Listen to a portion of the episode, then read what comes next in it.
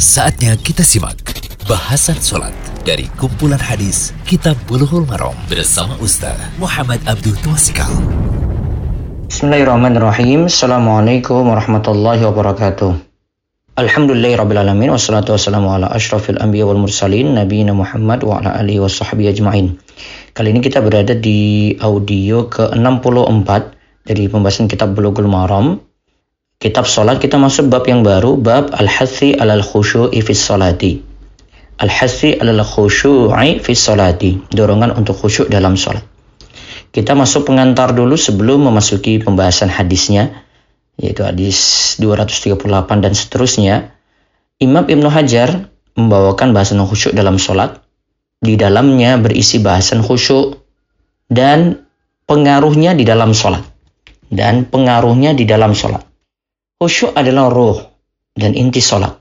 Hadis-hadis yang dibawakan oleh Imam bin Hajar nantinya adalah hadis larangan mengenai perbuatan yang melemahkan atau meniadakan khusyuk. Khusyuk secara bahasa berarti tenang dan tunduk. Dalam ayat disebutkan wa min ayatihi annaka taral arda khasyiyah. Dan di antara tanda-tandanya, tanda-tanda kuasa Allah ialah bahwa kau lihat Ya, kita kita ini lihat bahwa kau lihat bumi itu kering dan gersang. Yang dimaksud dengan khasyiatan di sini adalah tunduk tenang. Karena kalau keadaan kering gersang itu berarti dalam keadaan ya tenang gitu. Enggak ada yang rame-rame di situ. Nah itu sambungannya dengan ayat Fusilat ayat 39 yang tadi disebutkan. Khusyuk dalam sholat itu berarti hadirnya hati ketika menghadap Allah. Dan tenangnya anggota badan.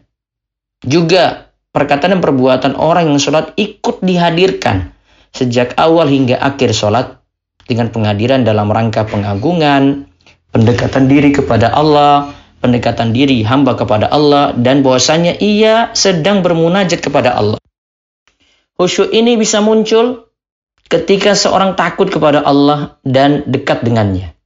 Kedekatan dengan Allah ini dirasakan ketika seorang benar-benar mengenal Allah. Ingat ya, benar-benar mengenal Allah berarti mengenal sifat-sifat Allah. Kita cuma bisa mengenal dengan mengenal sifat-sifat Allah dan kita belajar berarti mencintainya, khosyar, rasa takut berdasarkan ilmu kepada Allah, mengikhlaskan ibadah kepada Allah, ada khauf di situ, takut, ada rojak situ berharap. Itulah menyebabkan seorang semakin khusyuk. Ini makin ada maka kita akan makin khusyuk.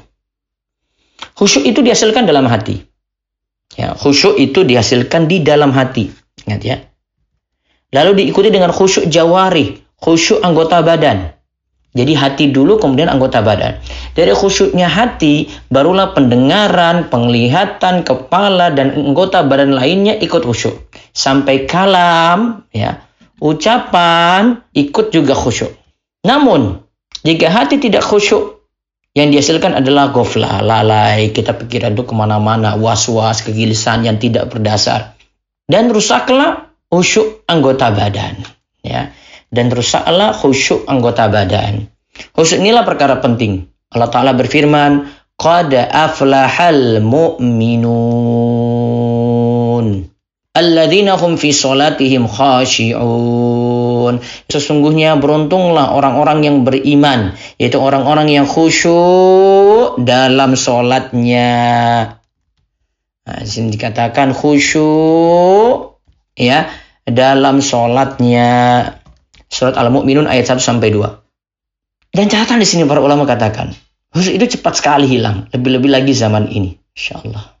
Dari Abu Darda radhiyallahu anhu Rasulullah sallallahu alaihi wasallam bersabda awalu syai'in yarfa'u min hadhil ummati al khusyu' hatta la tara fiha khashian. Perkara yang pertama kali diangkat ya awalu syai'in yurfa'u ya awalu syai'in yurfa'u. Perkara yang pertama kali diangkat min hadhil ummati dari umat ini adalah khusyuk ya. Sampai tak terlihat orang yang khusyuk di dalam sholatnya. Ya Allah musibah besar ini. Hadis ini riwayat at-Tabrani dengan sanad hasan. Lihat selesai at-targhib wa tarhib juz 1 halaman 288 Syalbani masukkannya di situ. Nah sholat yang di dalamnya tidak ada khusyuk dan tidak menghadirkan hati. Walaupun sah ingat ya walaupun sah tetapi besarnya pahala dilihat dari makin khusyuknya kita di dalam sholat. Dari Amr bin Yasir radhiyallahu anhu, ia mendengar Rasulullah shallallahu alaihi wasallam bersabda, "Inna rajula layan sorifu wa ma kutiba lahu illa ushru salatihi tus'uha sumunuha sub'uha sudusuha khumusuha rubu'uha sulusuha nisfuha." Ada yang selesai dari sholatnya, namun yang dia hanya dapatkan seper sepuluh, seper sembilan, seper delapan, seper tujuh, seper enam, seper lima, seper empat, seper tiga, dan separuhnya. Didapat dari sholatnya seperti itu. Artinya pahala yang diperoleh tidak maksimal. Karena tidak khusyuk, tidak menghadirkan hati. Jadi sholat tetap sah, tapi masalahnya di sini adalah pahala yang berkurang. Nah Imam Nawawi dalam Al-Majmu' menyatakan bahwa khusyuk dalam sholat dianjurkan. Hal ini disepakati oleh para ulama.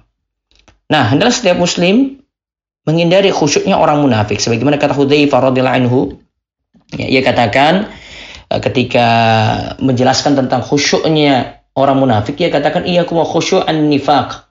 Hati-hati dengan khusyuknya orang munafik. Wa ma khusyu'un nifaq? Ada yang tanya, apa itu khusyuk nifaq? Dijawab, antarul jasada khasyi'a wal qalbu laisa bi khasyi'in. Jasad terlihat khusyuk, tetapi hati tidaklah khusyuk. Artinya di sini berarti khusyuk yang dibuat-buat seperti itu. Ya Allah.